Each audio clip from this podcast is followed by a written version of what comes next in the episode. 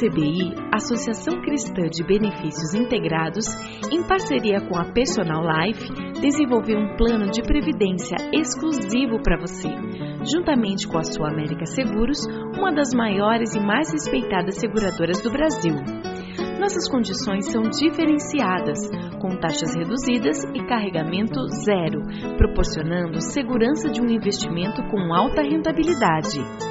Entre em contato e solicite uma simulação pelo site www.acbi.com.br ou pelo telefone 3264 6711. Atenção, você que tem um veículo financiado. Você não aguenta mais os juros abusivos na parcela do seu carro ou caminhão? Com a Defesa Consultoria, você pode reduzir sua parcela. A Defesa Consultoria é uma empresa cristã e trabalha com transparência para ajudá-lo a reduzir suas parcelas. Portanto, não perca mais dinheiro.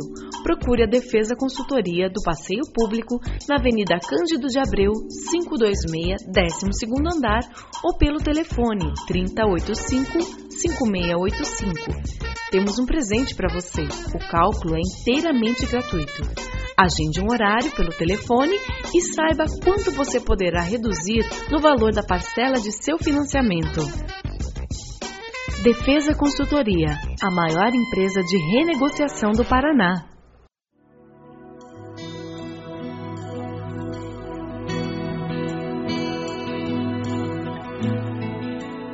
Começa agora mais um Sementes do Amor de Deus, um programa da Igreja Batista do Bacaxeri, em Curitiba.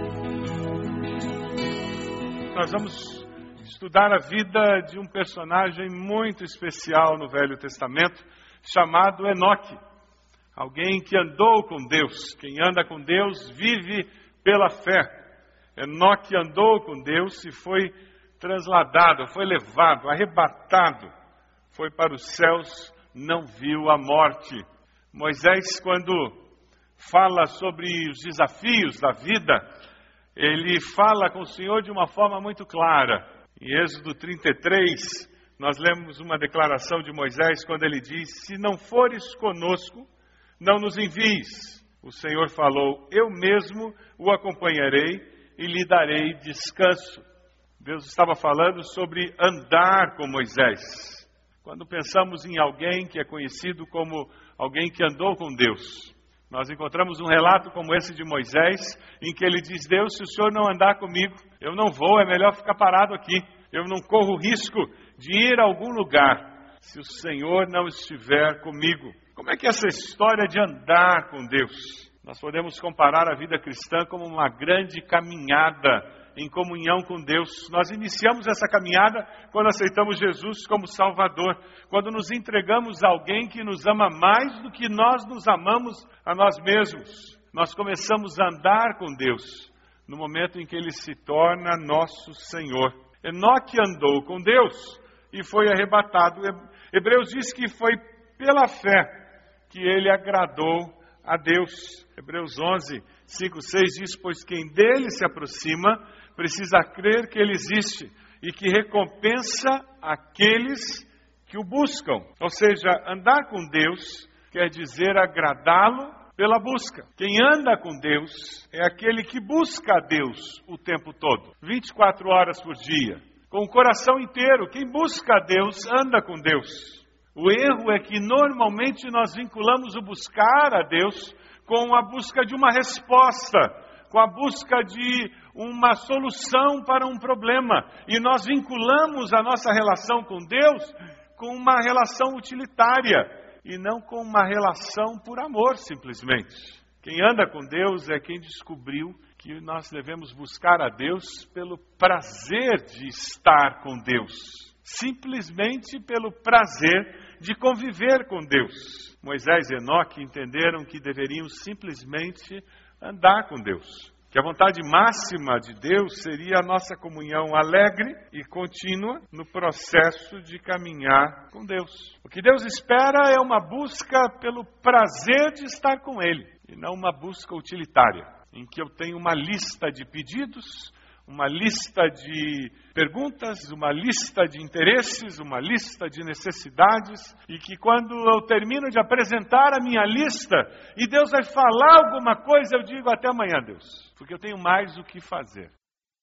Anda com Deus, aquele que descobriu como é bom conviver com Deus. O que significa realmente andar com Deus? Quais são os sinais? Quais são os resultados de alguém andar com Deus? Quando você começa a estudar a vida de Enoque, você percebe algumas características muito especiais na sua vida. Primeiro, eu queria destacar o fato de que Enoque era alguém que tinha uma voz profética, e essa voz profética abençoava a sua geração. Porque quem anda com Deus tem voz profética e voz profética para a sua geração. Vamos conhecer um pouquinho sobre Enoque. Enoque era a sétima geração depois de Adão. Gênesis 5, a partir do versículo 18. São sete gerações e Enoque teve a vida mais curta de todos. Adão viveu 930 anos, Sete 912, Enos 905, Cainã 910, Maalalel 895, Jared 962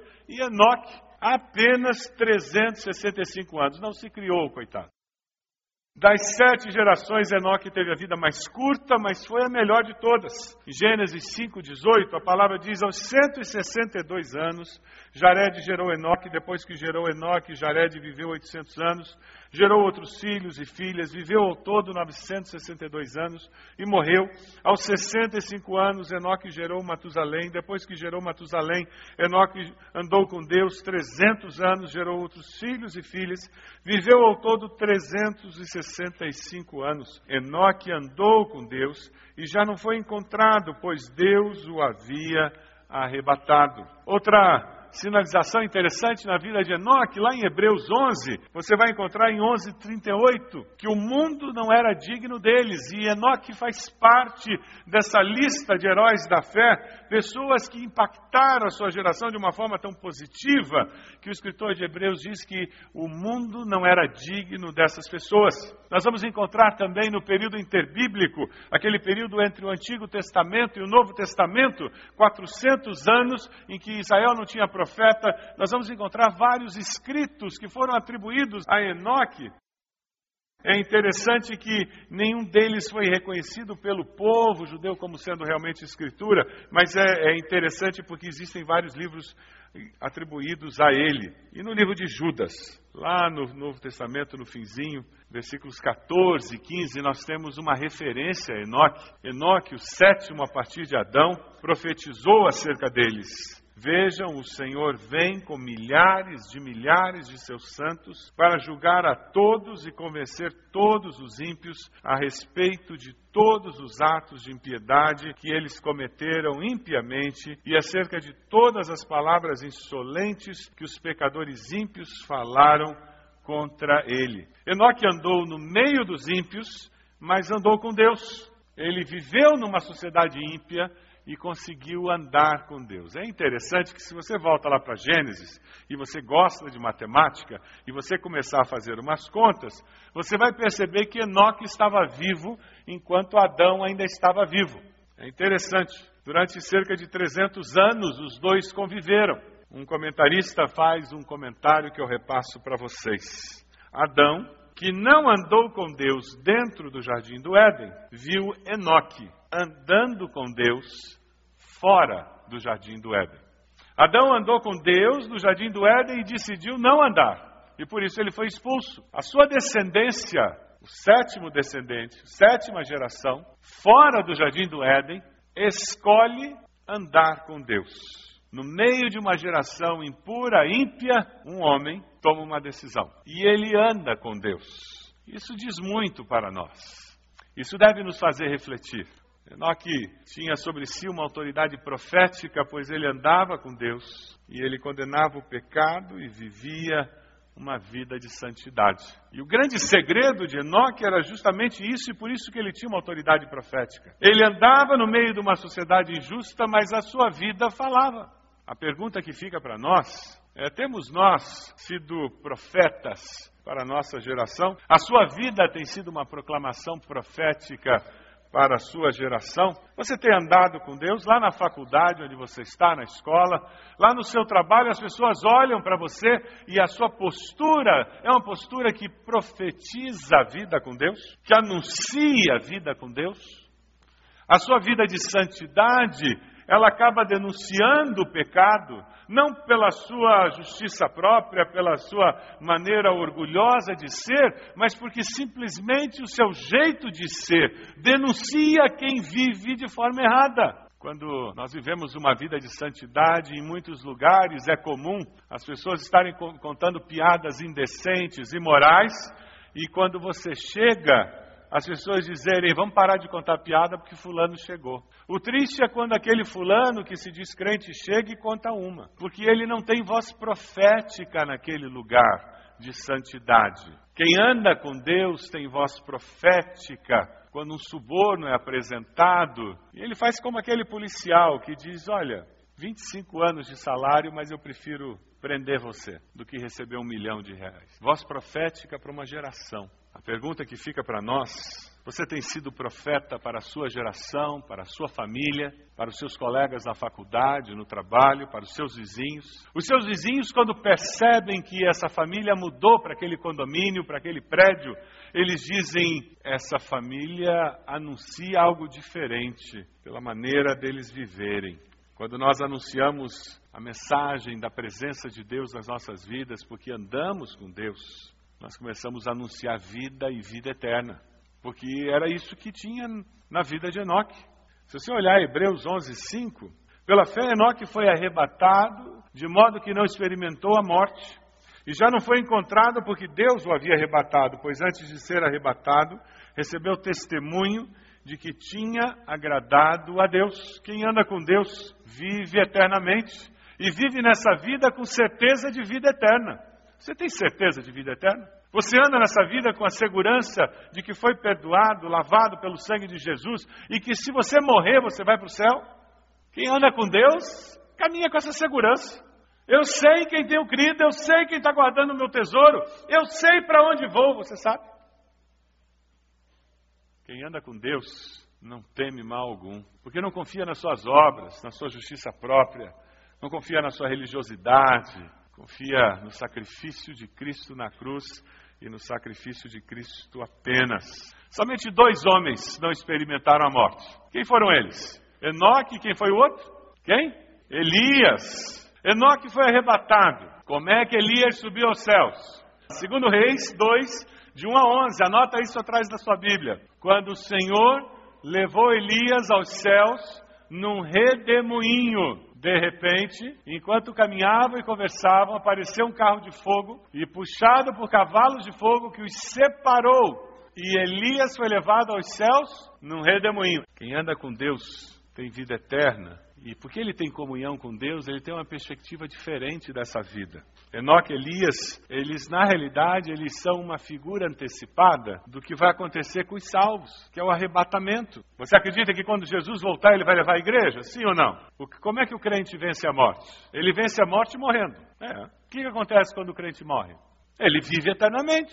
O diabo pensa que passou rasteira na gente e a gente está lá no céu dando risada. O crente vence a morte morrendo. Mas tem uma outra maneira dele vencer a morte: é o arrebatamento. Jesus vai chegar e a gente não vai morrer.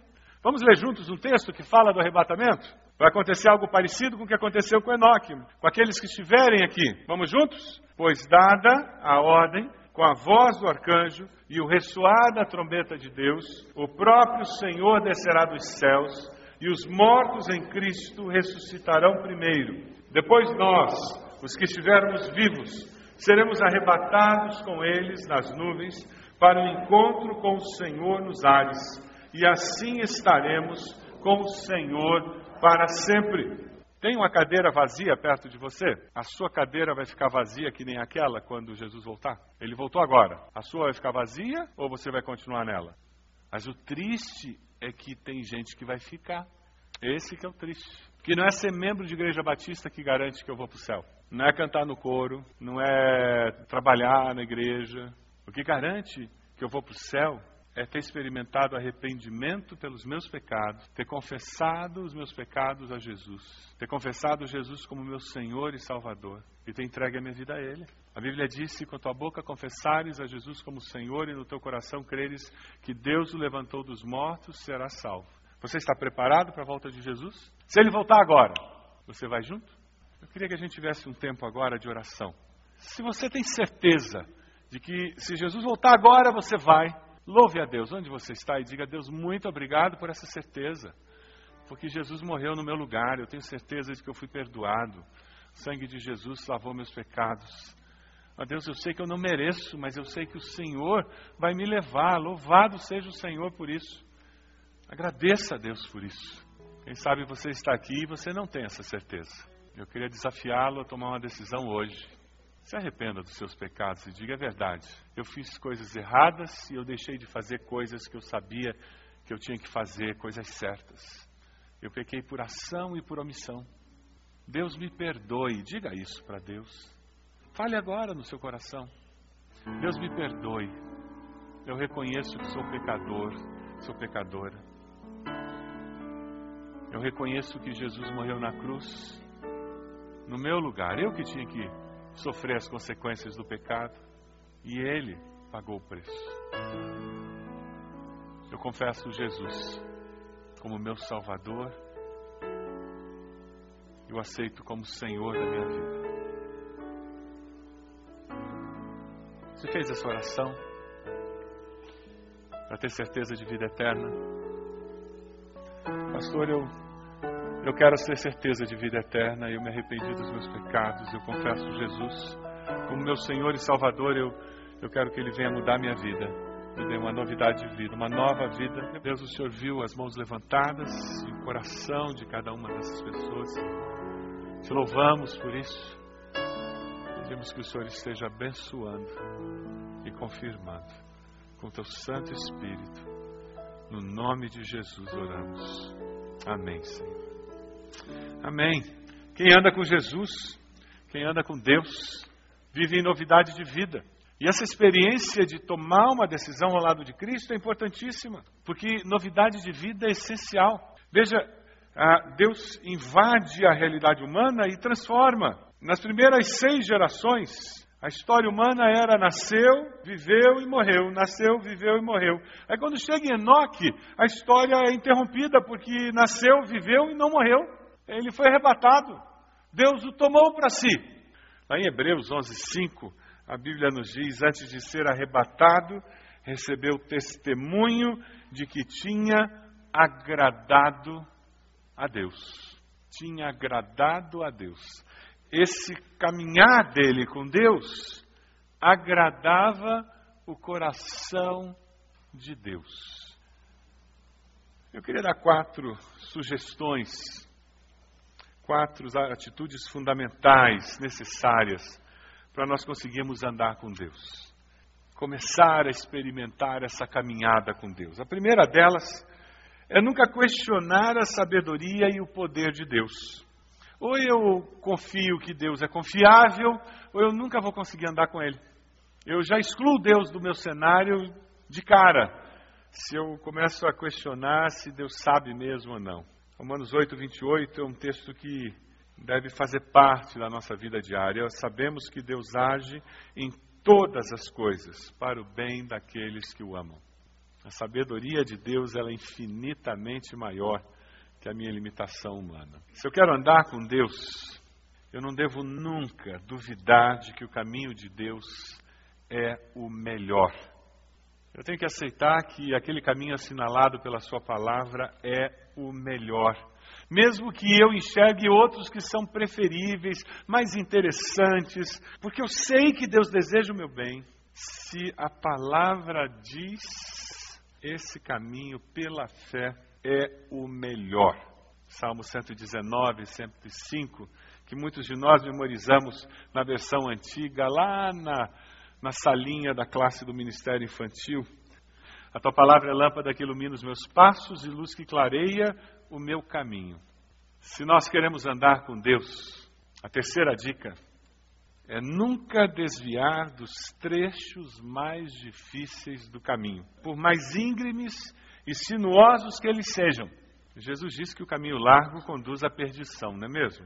Entre pela porta estreita, pois a larga é a porta e amplo caminho que leva à perdição, e são muitos os que entram por ela, como é estreita a porta e apertado o caminho que leva à vida, são poucos os que a encontram. Se você quer andar com Deus, você vai ter que pedir perdão, e é estreito o caminho do pedido de perdão, você vai ter que ser honesto, e é estreito o caminho da honestidade, você vai ter que falar a verdade, e às vezes parece que tem todas as vantagens do mundo para eu omitir a verdade. Eu não vou falar a mentira, né? eu só vou omitir a verdade. Como se a omissão da verdade já não fosse uma mentira por si só. Como se uma meia-verdade não fosse uma mentira completa. Mas o caminho é estreito e se eu quero andar com Deus, eu nunca devo desviar dos trechos mais difíceis do caminho, porque Deus está comigo e não há perigo. E por último, se eu quero andar com Deus, eu não devo nunca andar sozinho. Eu devo buscar companheiros de fé, porque é muito perigoso andar por essa vida sozinho. Eu preciso de gente, porque eu sou gente. Eclesiastes 4, 9 e 10 nos exorta dizendo: é melhor ter a companhia do que estar sozinho, diz o sábio. Se um cair, o amigo pode ajudá-lo a levantar-se, mas pobre do homem que cai e não tem quem o ajude a levantar-se. Lembre-se sempre, nunca se vanglorie do sucesso de andar com Deus, porque efetivamente, se nós conseguimos algum sucesso, o caminho é dele, não nosso. Por isso que a gente conseguiu ser bem sucedido. Não é uma coisa mística que para andar com Deus eu vou ser zen, eu vou, eu vou viver no mosteiro. Não, eu estou andando, trabalhando, cuidando da casa, dos filhos, eu estou estudando, eu estou vivendo a vida. Certa vez, num congresso, alguém perguntou ao Dr. Rousseau Shedd qual era a definição que ele daria para santificação ou para santidade. A resposta que ele deu é maravilhosa. Santidade é fazer aquilo que Deus gosta. Ponto. Mais alguma pergunta? O que é santidade? É fazer aquilo que Deus gosta. Quem anda com Deus procura fazer o quê? o que Deus gosta. Você está fazendo o que Deus gosta? Nós lemos um texto que diz: santificai-vos, porque amanhã, santifiquem-se, porque amanhã eu vou fazer maravilhas no meio de vocês. A gente tem que estar tá fazendo o que Deus gosta. O resto, deixa com o Espírito Santo de Deus, porque ele sabe o que fazer. M. Bounds disse certa vez uma frase que tem sido muito citada: que Deus não está atrás de métodos e estratégias, mas de homens e mulheres gente que ande com Ele. O método de Deus são seres humanos, vidas transformadas pelo poder do Evangelho. Se você anda agoniado com o nosso país, com a sociedade injusta que nós temos, se anda agoniado na sua escola com aquele pessoal que não tem moral, aquele pessoal que cola, que usa drogas, se você anda agoniado com, no seu prédio, no seu condomínio, no seu, no seu trabalho, pessoas injustas, se anda aflito com a sociedade, você gostaria que as coisas fossem diferentes, preocupado com seus filhos, estão entrando na adolescência, agora vão enfrentar toda essa sociedade, toda essa situação, sinal que você está alerta e está percebendo a desgraça que está aí. Mas sabe, só tem um jeito dessa sociedade mudar. A situação só vai mudar se as pessoas mudarem. Aí nós vamos começar a mudar as estruturas da sociedade. Como que as pessoas mudam? Através do testemunho de outras pessoas que já mudaram. Não é fácil, mas é possível. Através do testemunho de pessoas que andam com Deus, porque experimentaram aquele amor maior de Deus. Pessoas que se arrependeram dos seus pecados, confessaram Jesus como Salvador e começaram a andar com Deus. Experimentaram a promessa de Jesus se cumprindo, que Ele estaria conosco todos os dias até a consumação dos séculos. Eu já vi Deus fazendo maravilhas através de gente disposta. Você já viu? Você quer ser um desses? Decida hoje a andar com Deus.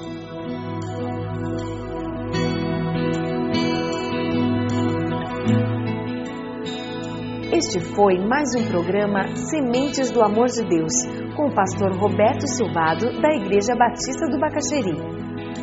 Se você deseja obter cópias dessa mensagem, ligue para 33630327 ou envie um e-mail para radio@ibb.org.br, informando a data da mensagem.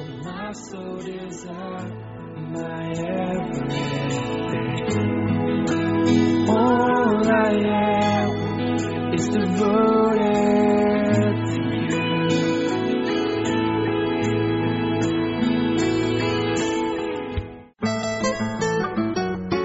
A ACBI, Associação Cristã de Benefícios Integrados, em parceria com a Personal Life, desenvolveu um plano de previdência exclusivo para você, juntamente com a Sua América Seguros, uma das maiores e mais respeitadas seguradoras do Brasil.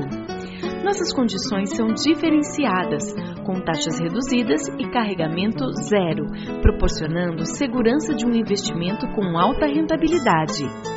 Entre em contato e solicite uma simulação pelo site www.acbi.com.br ou pelo telefone 3264 6711. Atenção, você que tem um veículo financiado. Você não aguenta mais os juros abusivos na parcela do seu carro ou caminhão? Com a Defesa Consultoria, você pode reduzir sua parcela. A Defesa Consultoria é uma empresa cristã e trabalha com transparência para ajudá-lo a reduzir suas parcelas. Portanto, não perca mais dinheiro. Procure a Defesa Consultoria do Passeio Público na Avenida Cândido de Abreu, 526, 12º andar ou pelo telefone 3085-5685. Temos um presente para você. O cálculo é inteiramente gratuito. Agende um horário pelo telefone e saiba quanto você poderá reduzir no valor da parcela de seu financiamento. Defesa Consultoria, a maior empresa de renegociação do Paraná.